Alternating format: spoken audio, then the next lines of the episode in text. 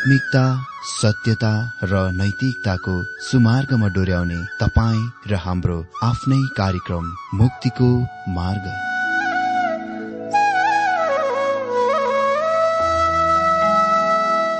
आदरणीय श्रोता यस मुक्तिको मार्ग कार्यक्रममा हार्दिक स्वागत छ। आशा छ यस आत्मिक कार्यक्रमद्वारा जीवनमा आत्मिक आशिष अलौकिक शान्ति र आनन्द प्राप्त गर्नुहुनेछ। र जीवनमा धन्य अनुभव गर्नुहुनेछ। आउनुहोस् श्रोता मन र आत्माको तयारीको लागि यो मिठो अनि मधुर भजन गीत सुनौ।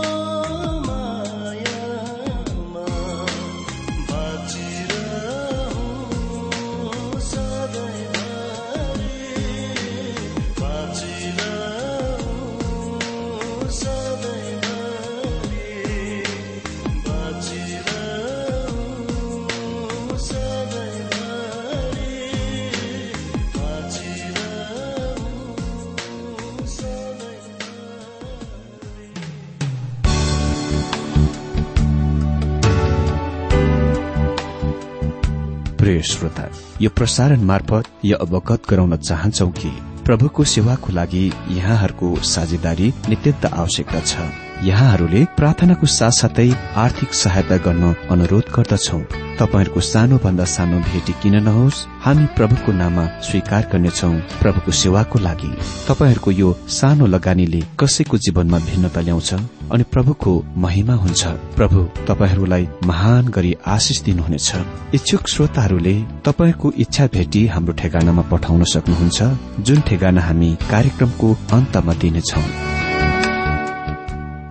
प्रिय श्रोता मित्र प्रभु येशु ख्रिष्टको मधुर अनि सामर्थ्य नाममा मेरो जयमसी अनि हार्दिक स्वागत छ आजको यो बाइबल अध्ययन कार्यक्रममा। श्रोता पवित्र धर्मशास्त्र बाइबलको क्रमबद्ध अनि श्रृंखलाबद्ध अध्ययनको क्रममा अघिल्लो कार्यक्रममा हामीले नौदेखि एघार अध्याय अनुसार ख्रिष्टको पहिलो अमनसँग सम्बन्धित भविष्यवाणी पक्षसँग सम्बन्ध राख्ने पहिलो मुख्य सार भनिने मुख्य विषय अन्तर्गत जकरिया नौ अध्यय एकदेखि नौ पदबाट बाइबल अध्ययन गरिरहेका थियौं। आज पनि हामी यही विषयबाट बाइबल अध्ययन गर्नेछौ। आज हामी नौ अध्यय दसदेखि सत्र पदसम्मबाट बाइबल अध्ययन गर्न गइरहेका छौं। मित्र अघिल्लो दिनहरूमा हामीले अलेक्जेन्डर महानको अगाडि बढ्ने कुराको बारेमा केही कुरा देखेका थियौं। उनले अहिले आधुनिक टर्की पार गरेर आए र त्यहाँका महासरहरूलाई नष्ट गरे। त्यसपछि उसले तल त्यस मुलुकतिर जान अघि बढे जुन इसरायलको मुलुक हो। उसले उत्तरमा असुरीमा भएका सबै ठूला सहरहरूलाई ध्वस्त गरे। त्यसपछि उनी पलिस्तिनीका मुलुकमा प्रवेश गरे। त्यसपछि उनी यरुसलेममा आए।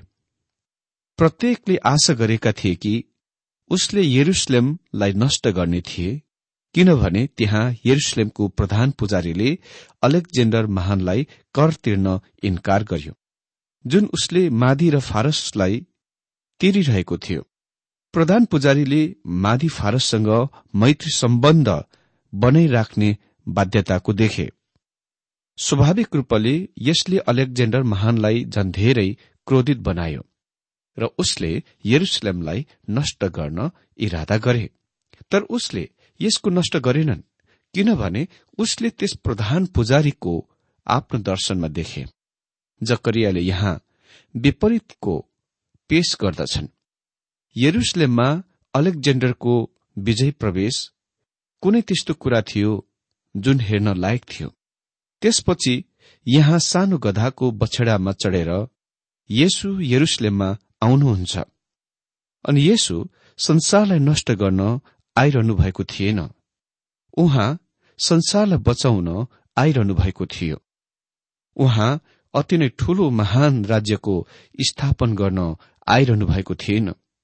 र आफूलाई सेवा गरियोस् भन्ने हेतुले र हजारौं चेलाहरूलाई आकर्षण गर्न आफूतिर खिच्न आउनुभएको थिएन। मर्कुस दश अध्यय पैंतालिस पदमा भनिएको छ किनकि मानित पुत्र सेवा पाउनलाई होइन तर सेवा गर्न र धेरैको छुटकाराको मोलको निम्ति आफ्नो प्राण दिन आएको हो। हामीले भनेका छौं कि जब येसु यरुसलेममा इसरायलको राजाको रूपमा आए त्यो विजय प्रवेश थिएन। त्यो बरु बाहिर निस्किजाने निर्गमन थियो। उहाँ छोड्नलाई तयारी गरिरहनु भएको थियो। तर उहाँ फेरि वापस फर्किआउन गइरहनु भएको छ।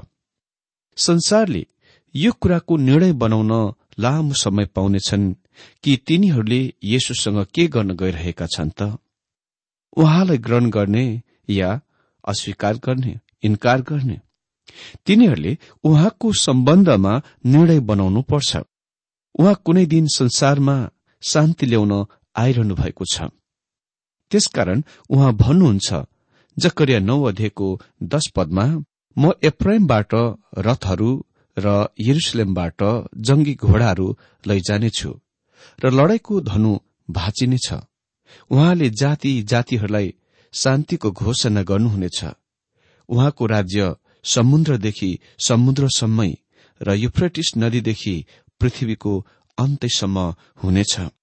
श्रोता एप्रामले उत्तरी राज्य इसरायलको प्रतिनिधित्व गर्दछ। यरुसलेम चाहिँ दक्षिणी राज्य यहुदामा पर्दछ अनि उत्तरी राज्य इसरायल वा एप्रा चाहिँ असुर कैदमा बन्दुवामा लगिए र दक्षिणी राज्य यहुदा वा यरुसलेम चाहिँ बाबेलको बन्दुवामा वा कैदमा लगिए तर तिनीहरू एउटै एकै ती मानिसहरू हुन् जो ख्रिष्टको शासनमा एकत्रित हुनेछन्। भनिएको छ म रथहरू जंगी घोडाहरू र लडाईँको धनुहरू भाँचिदिनेछु। यिनीहरूले सबै प्रकारका र वर्गका आक्रमण गर्ने हात हतियारहरूको प्रतिनिधित्व गर्दछन्। तिनीहरूलाई कति पनि आफ्ना हात हतियारहरूको जरूर पर्ने छैन। उहाँले जाति जातिहरूलाई शान्तिको घोषणा गर्नुहुनेछ। मेरो श्रोता जबसम्म येशु ख्रिष्ट आउनु भएर शान्तिको स्थापना गर्नुहुन्न यो पृथ्वीमा कहिले पनि शान्ति आउने छैन। आज ठूला ठूला राजनीतिज्ञहरू ठूला बडा मानिसहरू संयुक्त राष्ट्र संघले संसारमा शान्ति ल्याउने कुरा गर्दछ र कोसिस पनि गरिरहेको छ। तर यो अहिलेसम्म कहिले पनि भएको छैन। एकपछि अर्को समय युद्धले स्थान लिइरहेको छ। कहीँ कतै कहीँ न कहीँ समस्या उदय भइरहेको हुन्छ। मित्र स्पष्ट भावमा भनौं कसैले पनि पृथ्वीमा शान्ति ल्याउन सक्दैन। यो इतिहास साक्षी छ। खालि येशु ख्रिष्टमा मात्र हाम्रो आशा छ र उहाँले मात्र एक दिन सारा दुष्टता अधार्मिकताहरूको खतम गर्नु भएर त्यो शान्ति ल्याउनुहुनेछ। अनि त्यो तबसम्म स्थान लिने छैन तबसम्म उहाँ पृथ्वीमा पुनः आउनुहुने छैन। यो कुरा संसारले विश्वास गरोस् या नगरोस् तर वास्तविकता यही हो। मन पराओस् या मन नपराओस् यो नै परमेश्वरको वचनमा लेखिएको छ। एघार पदमा लेखिएको छ तँसित बाँधेको रगतको मेरो करारको कारणले म तेरा कैदीहरूलाई पानी नभएको खाडलबाट मुक्त गरिदिन्छु। मित्र यहाँ उल्लेखित शब्द तँसित। तँसितले इसरायलमा हुने ईश्वरीय बाँकी बचेका इसरायलीहरूको संकेत गर्दछ जसले दुःख कष्ट भोगिरहेका थिए। यस पदको आत्मिक अर्थ खुलाई वा व्याख्या दिँदा उक्तम होला। मानव जातिको छुटकारा केवल करारको रगतद्वारा मात्र सम्भव छ। अनि त्यो करको रगत चाहिँ नयाँ नियमको रगत वा ख्रिष्टको रगत हो। मानिसहरू आज आफ्नो स्वतन्त्रता र आजादीको बारेमा कुरा गर्छन्। मानिसहरू आज यस संसारमा यो कुराको थाहा गर्दैनन् कि उनी वास्तवमा कैदी हो। उनी पापमा बेचिएका छन्। उनी पापको दास हुन्। हामी रहेको यो दिनमा हामी अति नै धेरै स्वतन्त्रता आजादीको बारेमा कुरा गर्छौं। मैले धेरै पत्रहरू त्यो पूर्व वा अघि नसालु दवाईहरूको मद्यपानको सेवनमा फँसेका लतमा फँसेका मानिसहरूबाट प्राप्त गर्दछु जसले छुटकारा पाएका छन्। कसरी त? श्रोता खालि ख्रिष्टको रगतद्वारा खालि छुटकाराको निम्ति उहाँ कहाँ फर्केर मात्र। उहाँले मात्र कैदीहरूलाई पानी नभएको खाडलबाट मुक्त गरिदिनुहुनेछ। बाह्र अनि तेह्र पदमा लेखिएको छ हे आशावादी कैदी हो आफ्नो किल्लामा फर्केर जाओ। तिमीहरूलाई दोबर दिनेछु भनी अब म तिमीहरूलाई घोषणा गर्दैछु। म यहुदाबाट मेरो धनुलाई झैं नुहाउनेछु र त्यसलाई एप्राइमले भरिदिनेछु। हे सियोन तेरा छोराहरूलाई म ग्रीसका छोराहरूको विरूद्धमा सोर्याउनेछु र म तलाई वीर मानिसको तरवार झैं तो ल्याउनेछु म यहुदालाई मेरो धनुलाई झैं नुहाउनेछु। अहिले हामी मसिहाको हजार वर्षीय राज्य शासन युगतिर हेरिरहेका छौं। त्यस समयतिर जब शासन गर्नुहुनेछ। विश्वका सम्पूर्ण जातिहरू र राष्ट्रहरू उहाँको सामने झुक्न गइरहेका छन्। मेरो मित्र जब ख्रिस्ट फेरि आउनुहुन्छ त्यो विजय प्रवेश हुन गइरहेको छ। चौध र पन्ध्र पदमा लेखिएको छ अनि परमप्रभु तिनीहरू कहाँ देखा पर्नुहुनेछ र उहाँको काँड बिजुली झैं चम्कनेछ? परमप्रभु परमेश्वरले तुरही फुक्नुहुनेछ र उहाँ दक्षिणका आदि भेरीमा भएर हिँड्दै जानुहुनेछ। सर्वशक्तिमान परमप्रभुले तिनीहरूको रक्षा गर्नुहुनेछ। तिनीहरूले शत्रुलाई सर्वनाश पार्नेछन् र घुहेत्रका ढुङ्गाहरूद्वारा तिनीहरूलाई पराजय गर्नेछन्। तिनीहरूले दागमध्ये पिउनेछन् र लागे झैं गर्जनेछन्। तिनीहरू वेदीका कुना कुनामा छर्कने ठूलो बटुका भरिए झैं हुनेछन्। मित्र यो चाहिँ उहाँ नौजेलसम्म यो कसरी के हुन गइरहेको छ त्यसको तस्विर हो। मानिसले कदापि पनि संसारमा प्रभुको हजार वर्षीय शान्ति आदर्शको समय ल्याउने छैन। सोह्र पद। त्यस दिन परमप्रभु तिनीहरूका परमेश्वरले तिनीहरूलाई बचाउनुहुनेछ किनभने तिनीहरू उहाँका प्रजाको बगाल हुन्। मुकुटका रत्न झैं तिनीहरू उहाँको देशमा चम्कने छन्। यहाँ उल्लेखित कथन त्यस दिन त्यो अभिव्यक्त हो जुनको जकरियाले बाह्र अध्यायमा विस्तृत रूपमा प्रयोग गर्छन्। त्यस दिन चाहिँ परमप्रभुको दिन हो जुन स्वर्गीय यात्रा वा स्वर्गीयमा उठाइ लगिने कुराबाट चर्चको मण्डली प्रस्थानपछि लगत्तै स्थान लिनेछ। श्रोता यसले महान क्लेश अवधिको आरम्भ गर्दछ र हामी विश्वास गर्दछौ सात वर्षको महाक्लेशपछि जब ख्रिष्ट यहाँ यो पृथ्वीमा आफ्नो राज्यको स्थापन गर्न फर्किआउनुहुनेछ यो दिन अर्थात त्यस दिन अन्त हुनेछ। त्यसपछि यो पृथ्वीमाथि ख्रिष्टको हजार वर्षीय राज्य शासन शुरू हुनेछ। भनिएको छ मुकुटका रत्न झैं तिनीहरू उहाँको देशमा चम्कनेछन्। मलाकी भविष्य वक्ता हामीलाई भन्छन् कि परमप्रभु त्यस दिनमा आफ्ना आभूषणहरू बनाउनुहुनेछ। मलाकी तीनको सोह्र पदमा लेखेको छ तब परमप्रभुको डर मान्नेहरूले आपसमा कुरा गरे र परमप्रभुले तिनीहरूका कुरा ध्यानसित सुन्नुभयो। परमप्रभुको डर मान्नेहरू र उहाँको मान गर्नेहरूको पत्र मुठामा उहाँकै उपस्थितिमा लेखियो। यसले इसरायलका ईश्वरीय भक्त मानिसहरू र अन्य जातिहरूका ईश्वरीय मानिसहरूको संकेत गर्दछ। चर्च वा मण्डली जुन अति नै धेरै दाम मूल्यको रत्न हो यसलाई सम्मिलित गरिएको छैन। ख्रिस्टले त्यस हिरा मोतीको लागि ठूलो दाम तिर्नुभयो त्यो रत्नको लागि ठूलो किम्मत चुक्ता गर्नुभयो। सत्र पदमा भनिएको छ तिनीहरू कति आकर्षक र सुन्दर हुनेछन्। अन्नले युवकहरूलाई र नयाँ दागमध्यले युवतीहरूलाई हष्टपुष्ट पार्नेछ। तिनीहरू कति आकर्षक र सुन्दर हुनेछन्।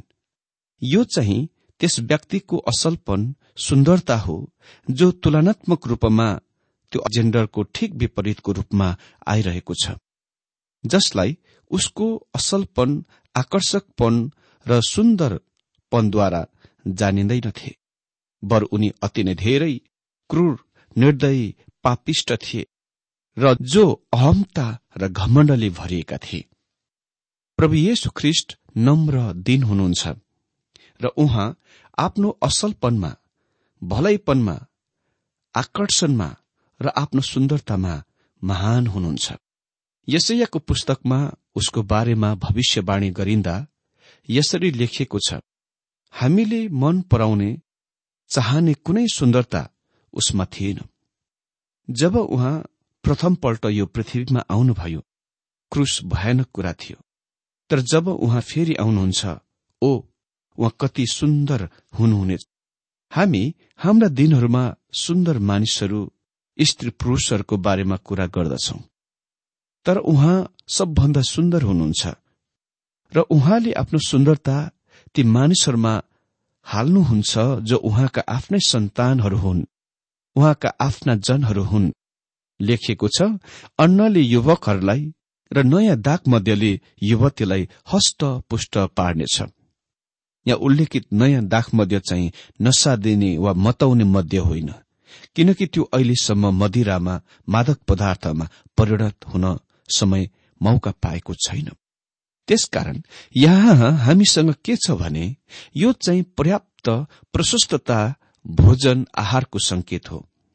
श्रोता प्रभु येशुको यो पृथ्वीमा शासन अवधिमा त्यहाँ कुनै अनिकाल कुनै अक हुने छैन कुनै कुराको कमी र अभाव हुने छैन।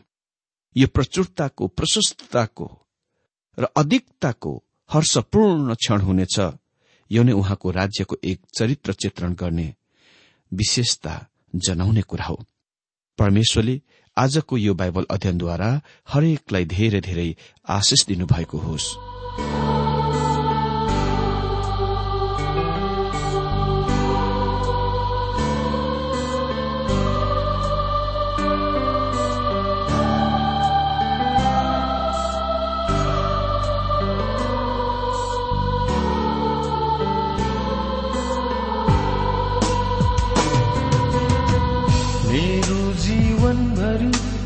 प्रभुको भजन गाउँदै रहनेछु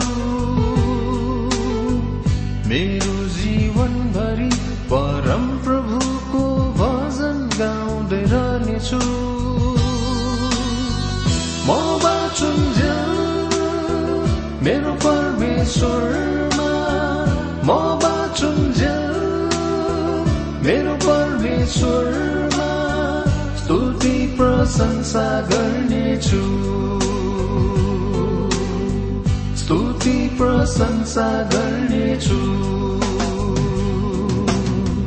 मेरो जीवनभरि परम प्रभुको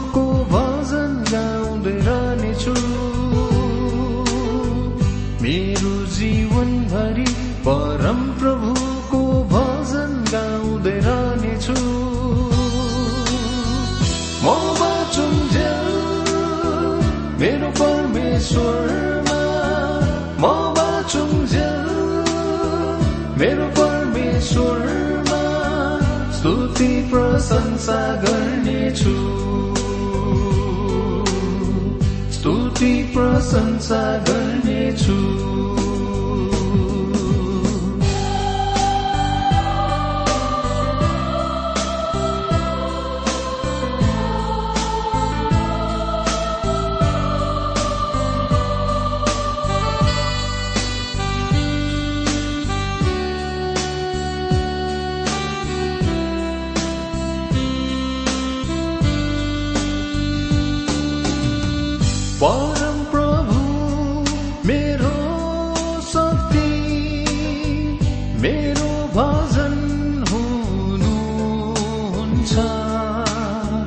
परम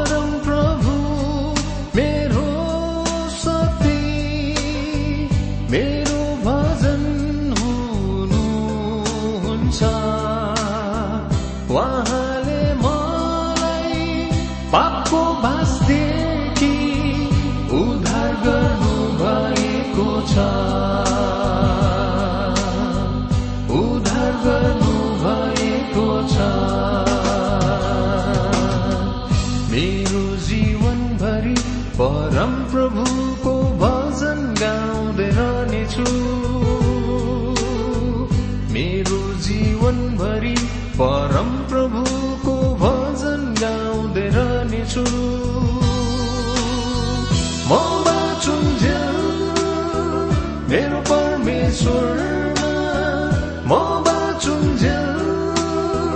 मेरो स्तुति गर्नेछु। स्तुति गर्नेछु।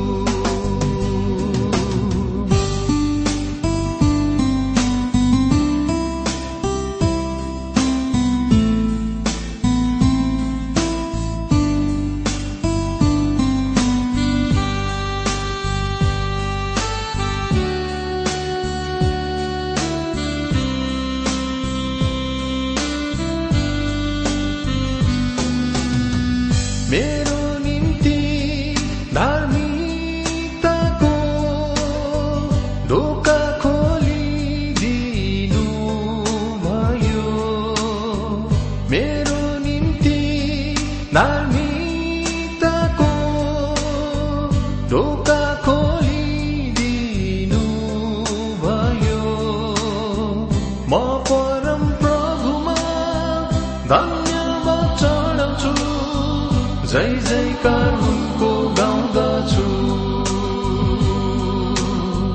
जय जयकार